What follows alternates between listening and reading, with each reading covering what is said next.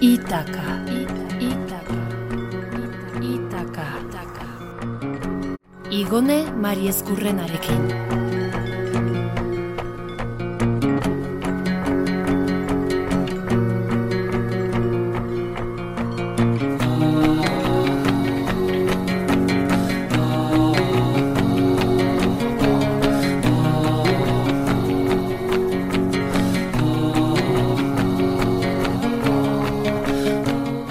Arratxaldeon entzule ongi etorri itakarantzko bidera. Tira, itaka asko eta askotarikoak daude, ametsak eta asmoak bezain bestea kaso, eta gaurkoak ozeanoz bestaldera eramango gaitu. Euskal balea zalen eta hain antzinera jogabe, Euskal bakailu arrantzalek bainola urratutako bidea jarraituz, Ternua, San Pierre eta Mikelon aldera egingo dugu. Iker hiri arte alegiarra dugu bidaide eta berak kontatuko digu zer, nor, noiz eta nola topatu zutenan. Itaka. Itaka.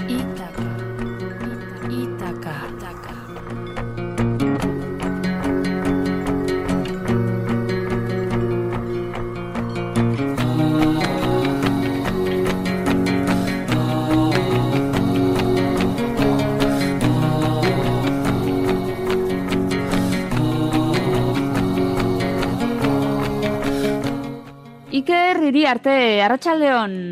Berdin, Zer modu zera? e, ondo, oso ondo, egia esan, primeran.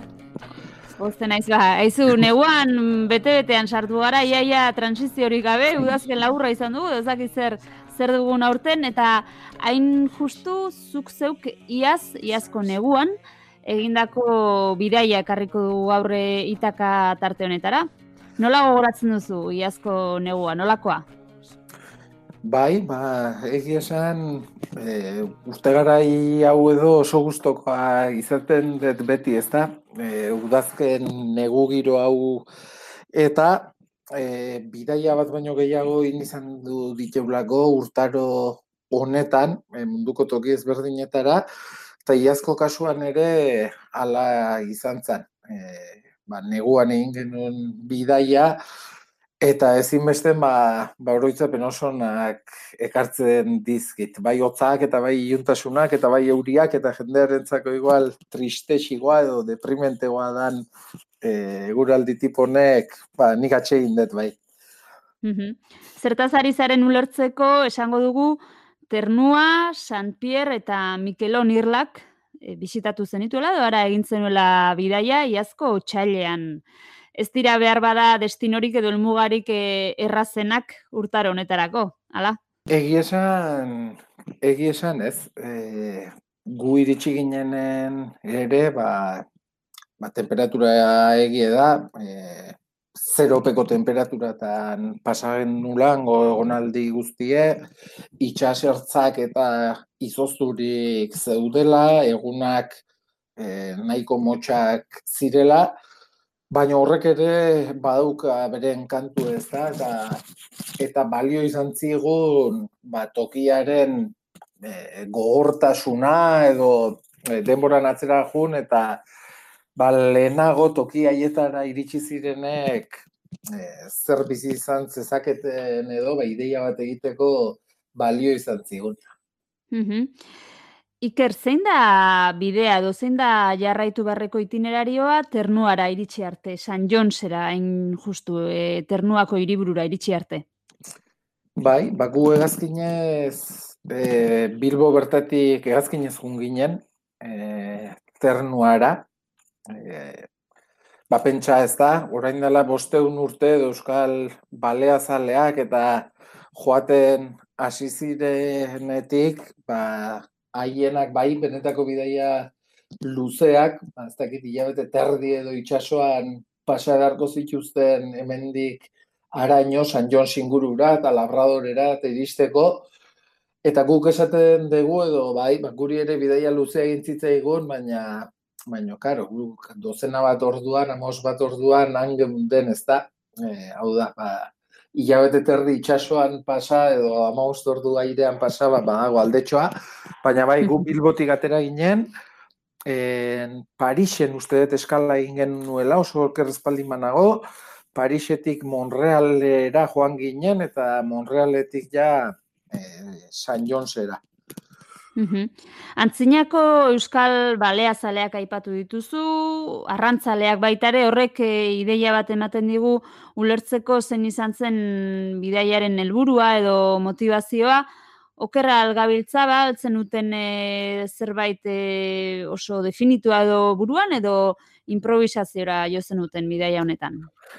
Ez, egia da, e, ba, betidanik irakurri izan ditugula, betidanik e, ira, dokumentalak eta ikusi izan ditugula, e, albaolako lagunek eta hori erakutsi izan dute, ez da, eta niri ba mundu txundigarri bat egiten zitzaidan, eta askotan pentsatu izan dut, eta pentsatzen jarraitzen dut, ez da, ba batez ere, orain dela ia bosteun urte, itxasora ateratzen ziren hoiek, ba, munduaren beste aldera arrantzara joateko zer sentituko zuten, eta baina ez hori bakarrik, ben, gezurra badirudi ere, bakaro, ni alegiarra naiz, ez da?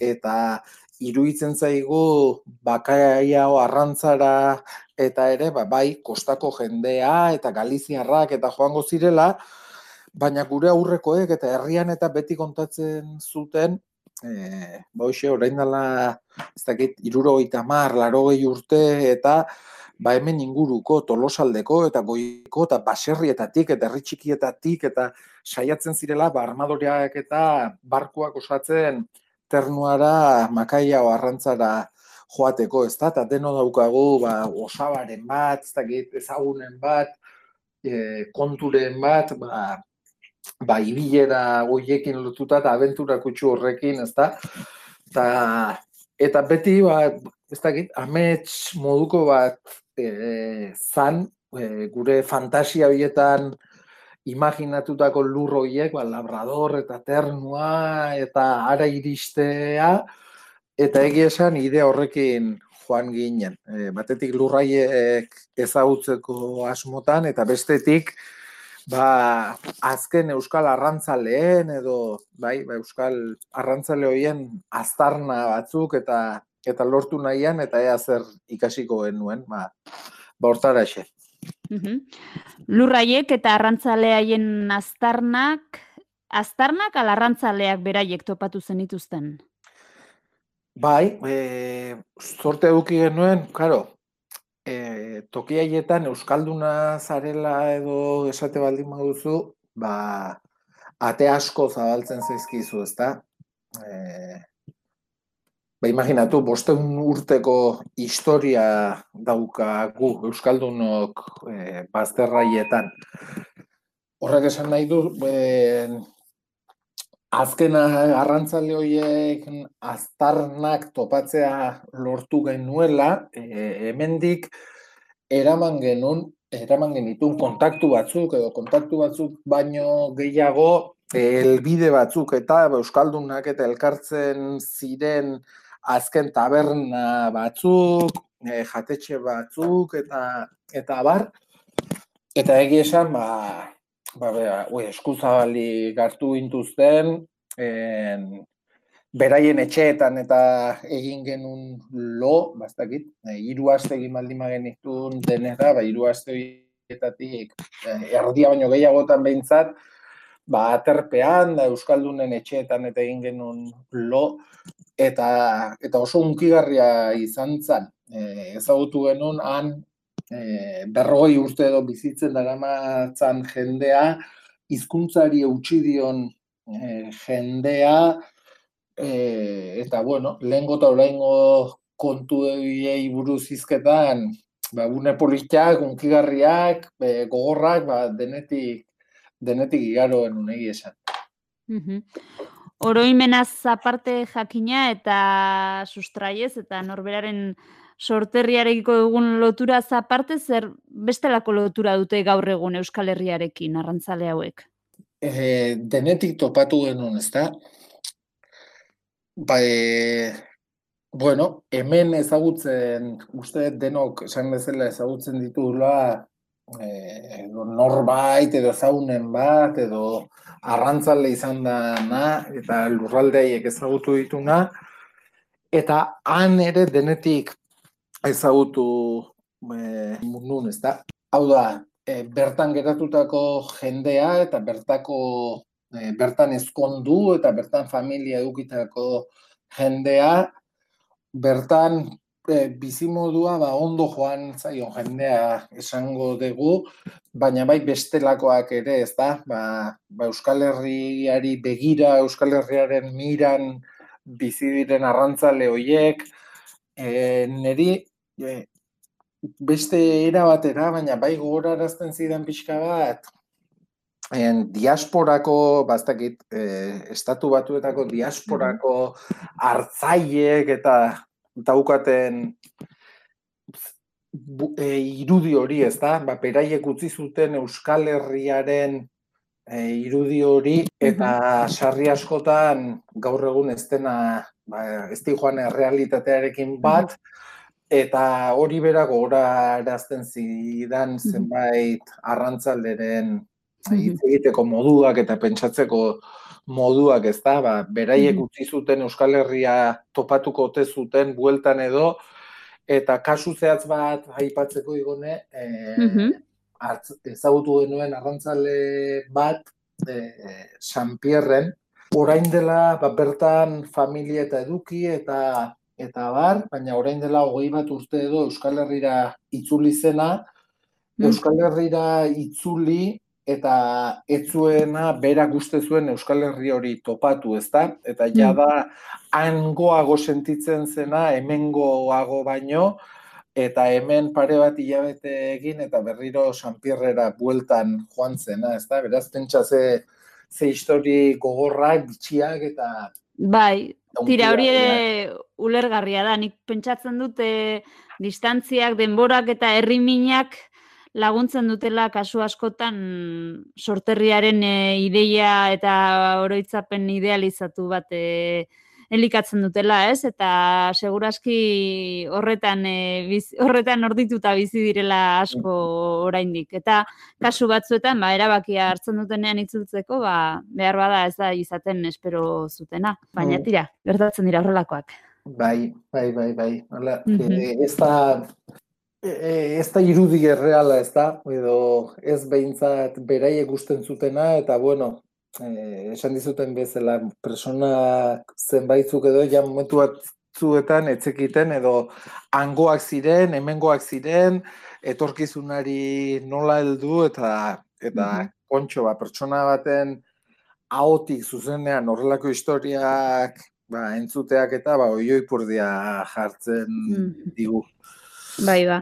Eta nolako erreakzioa izan zuten, zuen aurrean, zuen iritsierarekin, eta zuek e, zeuen burua aurkeztu eta e, eurak ere espero abetu pogintzen dutenean?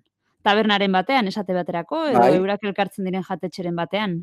Bai, ba, kontatuko dizut zehatz mehatz nola izan zan, edo ze oroitzapen daukagun, astelen batean iritsi ginen eh, San Pierreko taberna batera, astelen ba, ez dakit, astelen arratsaldean edo, eta taberna horretatik, eta taberna horretako nagusia, e, Euskalduna da, Euskal Arrantzale bat edo da, taberna horretako nagusia.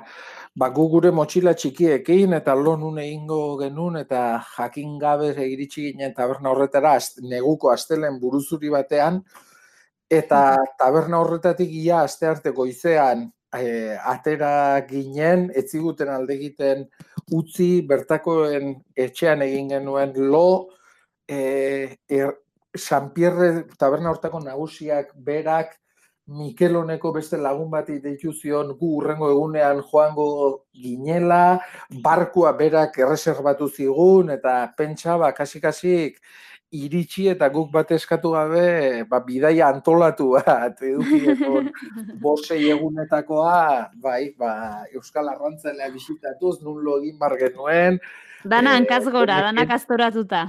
Bai, bai, bai, eta kontxo, ba, hori sentitzea ere guk euk ez da, ba, politia da, ez, ba, ba, hizkuntza batek edo jatorri batek ba, beste zenbaitzutan hainbesteko ez, diferentziak edo sortu dizkigun hizkuntza eta jatorri honek ba, beste batzutan zen momentu politiak bizitzera eraman izan gaitun. Eta bai, bai, bai, bai. Dudarik gabe. bai, Sentxazio bai, ez, bai, sentxazio ez ari garela iker, eh, lehen aipatu didazu, bidaiaren beste helburuetako bat zela, altzen neurrian behintzat, e, zeuen azaletan sentitzea, nola sentitu ote zuten haiek, e, arrantzalek, eta urrutira joan da baleazalek, euskal baleazalek, e, ara iristea, ez? Eta ezagutzen ez zuten lurralde berri batekin talka edo kontraste hori nola sentitu ote zuten, bazuek ere zeuen azaletan hori bizitzea. Orduan, nolako izan zen e, lehenengo kontaktu hori edo lur ez ezagun honekin lehenengo talka hori, ze okerrez banago zure lehenengo aldia zen ternuan. Bai, bai, bai, lehenengo aldia zan, eternuan, eta ba, iruditu zitzaiten toki basati bat, ez da? Ba, e, oso bizi baldintza gogorrak, muturrekoak dauzkan toki bat, e, ba, esan duguna, gotza, aizea, euria, iluntasuna, e, eta eta bai, e, imaginatzen genuen, e, batetik hemendik harako itxas zeharkaldi horiek edo nolakoak izango ziren, eta bestetik, hango kontatzen ziguten bezala, eta ba, pentsa marea hon bat zanean, edo e, bakaio ba, talde handiak eta topatzen zituztenean, ba, egon zitezkeela hiru hilabete lurrera itzuli gabe, ezta? Hiru hilabete edo lau hilabete jarraian itxasoan pentsa hori ze izango du, ze izan behar duen horrelako goz batek, eh, horrelako espazio txiki batean, horrelako barku txiki batean, berrogeita mar lagun, hogeita lau orduan jarraian, bazeropeko temperaturetan lanean, ez da? Baze bizi baldintza gogorrak eta eta gero bazerto zer egingo zituzten eta nola iritsiko ziren lurrera, ez da, lau hilabeteren ondoren, eta, eta bai, pixka bat konparatuz, baina lehen aipatu bezala, en, jo, oso kuriosoa da, ez, e, Euskal Artzainak, bastakit, Nevadan, edo Txinon, edo Aidajon, eta e, beti aipatzen dute bakardadea, ez da, ba, terreno edo lautada oso handiak, ba, kilometroak eta kilometroak eta kilometroak, eta izugarrizko bakarda de sentsazioa, ez da? Bai. Eta arrantzale justu aurkakoa aipatzen ziguten, ez? Espazio txiki batean, e, izugarrizko jende pila, lana, eta ezin moie, momenturik topatu ez deskansurako, ez bakarrik egoteko, eta, Hmm. ba, bueno, ba, pixka bat kontrastean, ez da? Ba, Bai. Nork Ba, bere espazioa gure- aukitzeko urgentzia hori, ez da? bai, bai, horixe, horixe bera, bai. Arrantzaleekin ez ezik eta e, Euskal Jatorriko arrantzaleekin ez ezik, bertako beste jende askorekin ere izango zineten noski, baldintza fisiko klimatologiko hauek, hau da, hango eguraldiak, hango hotzak, e, komentatzen zenuen honek guztiak, baldintzatzen aldu jendearen izaera. E, euren bizimodua, e, ohiturak, e, ez dakit, aldartea, nolako jendea da? E, bueno, batetik, esan argitu nahi nuke edo, eh, Ternua eta Labrador gaur egun Kanadako parte direla, ez da? Ba, eh, ekialdean daude, Kanada ekialdean, eta Ternuako ekialdea da, ba, Ipar Eh, ba, ekialdeen dagoen puntua. Eh, eta gero, San Pierre eta Mikelon, eh, gaur egun Frantziako eh, estatuaren parte edo dira, eta ba, itxas zabalean edo dauden lurroien ba, berezitasunak dituztenak. Horrek esan nahi du, eh, ba, Kanadan adibidez ingelesa hitz egiten zala, da ternuan, eta Sanpierren eta Mikelonen, ba, frantzesa, ez da. Sanpierrera eta Mikelonera, ba, iritsi ziren lehenengoak, e, orain dela, ia bosteun urte edo nunbait, ipar e, Euskal Herritarrak edo izan omen ziren, eta horrek nik uste asko markatu dula e, lareun urteetan ba, irla hoien historia, ez da, ze otxurak dauzkaten, be, bai, ba, ze kirol egiten duten, baita iriaren antolatzeko modua ere, tabernak eta ba, Sanpierren bertan aurkitu dezakegula frontoi bat, trinkete bat, en, esaten ziduten, ma, urte honenetan eta sekulako txikiteoa e, existitzen zala irioietan, ez da? Abai, ah, eh? Ber, bai, bersotan egiten zutela, euskal kanta kantatzen zituztela, euskal dantzak, euskera irakasten zutela, pelota eskola bat zegoela, eta eta jo, eba, niri horrek izugarrizko, ez dakit, ba, impactoa edo egin zidan. Gaur egun oraindik ere, ba, ikustea eh, ondorengo hoiek eta nola saiatzen diren oitura hoiei eusten eta, ez da? Hori gaur mhm. egun, ba, imaginatzen genuen, oain dela, ba, iruro gita marruzte, eta ura zer izan zitekeen, edo lauzpabost barku elkarrekin batera lehorreratzen zirenean, ba, arrantzaleek, beste barkutako arrantzaleekin, eta ze kontu egingo zituzten, ze parrandak egingo zituzten, bertxotan nola egingo zuten, eta eta kontxo, ba, ba kuriosoa da, munduaren beste puntan ikustea nola guk dauzkagun gotxura goiek edo gure izaeraren zati bat eramaten saiatu ziren, eta hainbat bueno, mende eta hainbat amarkada geroago ba, ba nola utzi dioten horri. Zuek lehenik eta behin ternuan egin zenuten geldialdia eta handik gero mugitu zineten ez da Sanpierrera eta Mikelonera, mm okerrez ba naiz, itxasoz eta bi orduko itxasbidaia eginez? Ba, baternua bisitatu genuen, San Jonesen egon ginen, e, eta gero ja irlaren egoaldera edo juan, eta irlaren egoaldetik barku bat hartu genuen, e, ba, pare bat hortutan edo, ba, hogeitaka kilometro uste daudela ternuatik San Pierrera, eta eta hala iritsi ginen, ez da?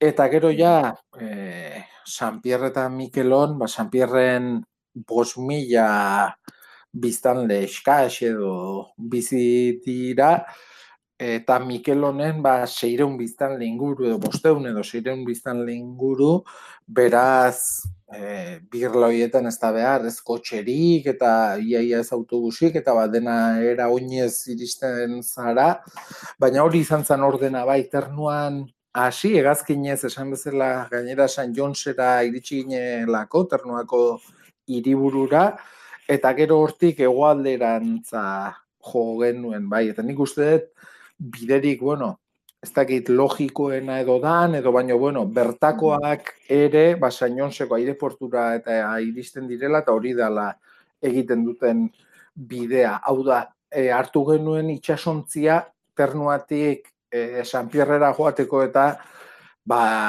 e, itxasontzi e, normal bat e, dela, ez da, da, ma, transporte publiko bat, bertakoek erabiltzen dutena, ez daukana, turismoarekin inolako zirikusirik eta eta horrela. Bai gehiago eh, esan nuke bertakoak pixka bat harritu egiten ziren, ez? Ea guan zer genbiltzan neguan eta pentsa ba ez daukatela azpiegiturarik edo ez daukate turismoarekin lotutako ezer irlaoietan, beraz, harritu xamarrik galdetzen ziguten Eh, herrietan eta tokietan baia antzerken biltzan eta mm Urbiltzen ziren hortaz galdetzera. Bai, e, hartu genuen oituna bat edo eta oso polite zan eh, herri batera edo iritsi eta ia beste zer egin baino lehen hilerrira joateren ginen.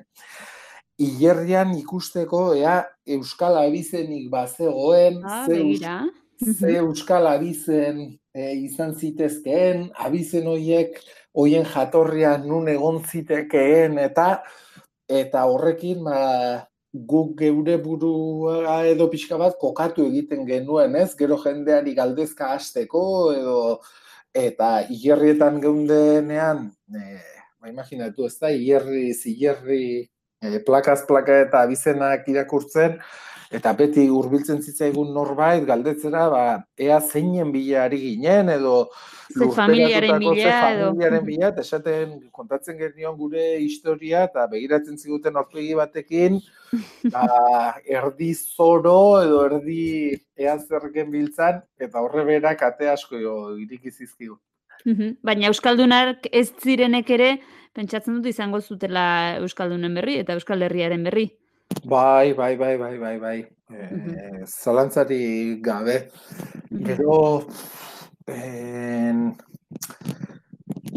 bakaia arrantzaren amaierak e, ez da, ba, Kanadako gobernuak eta jarri zituen e, murrizketekin eta ba, izan zan edukizun historio guztionek e, amaiera nahiko bortitz edo violento bat, ez da?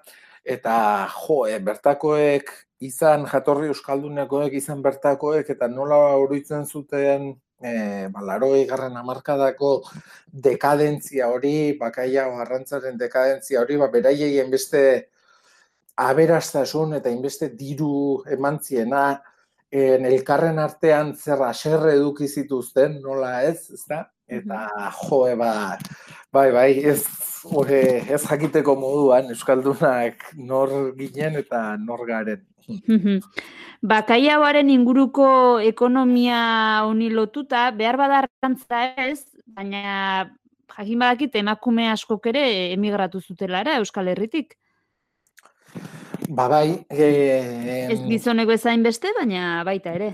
Bai, e, alaxe da, ez da, guk e, arrantzalei buruz hitz egiten dugunean edo ba lehenbiziko irudia edo burura edorkiguna ba, gizonen irudia da ez da.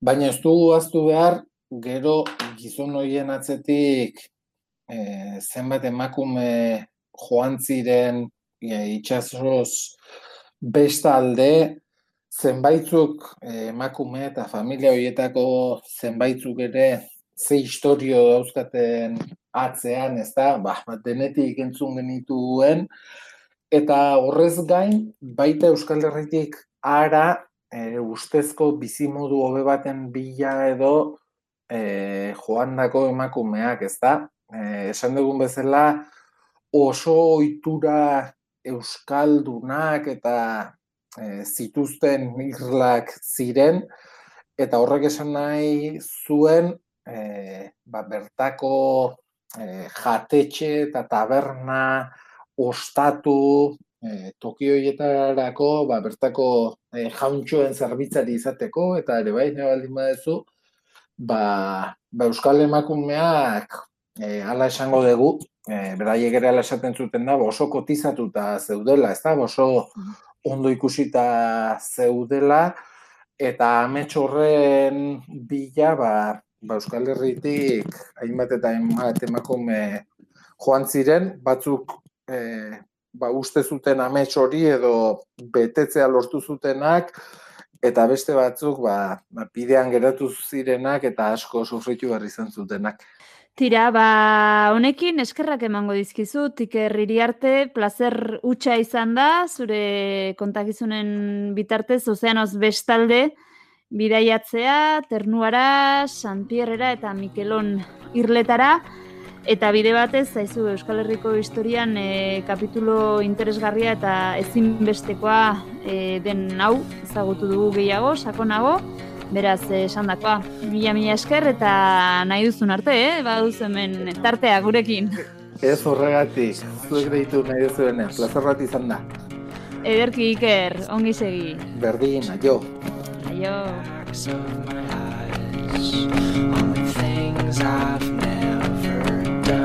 Sheets are swaying from Neke zirudika dezakegu modu fidelean behintzat ez Euskal Herritik lur hotzaietara iritsi ziren aurreneko Euskal emakume eta gizonek bizi izan zutena.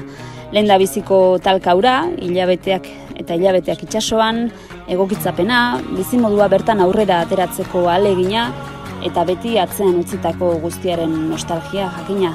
Urbilben bat izan da bederen, iker iriartek ekarri diguna eta eskertzekoa beste guztiak bezala. Datorren astean gehiago, bien bitartean mesedez segi bidea luzatzen eta gozatzen, helmugan ez baitago ezer gure zain. Ongi izan, aio!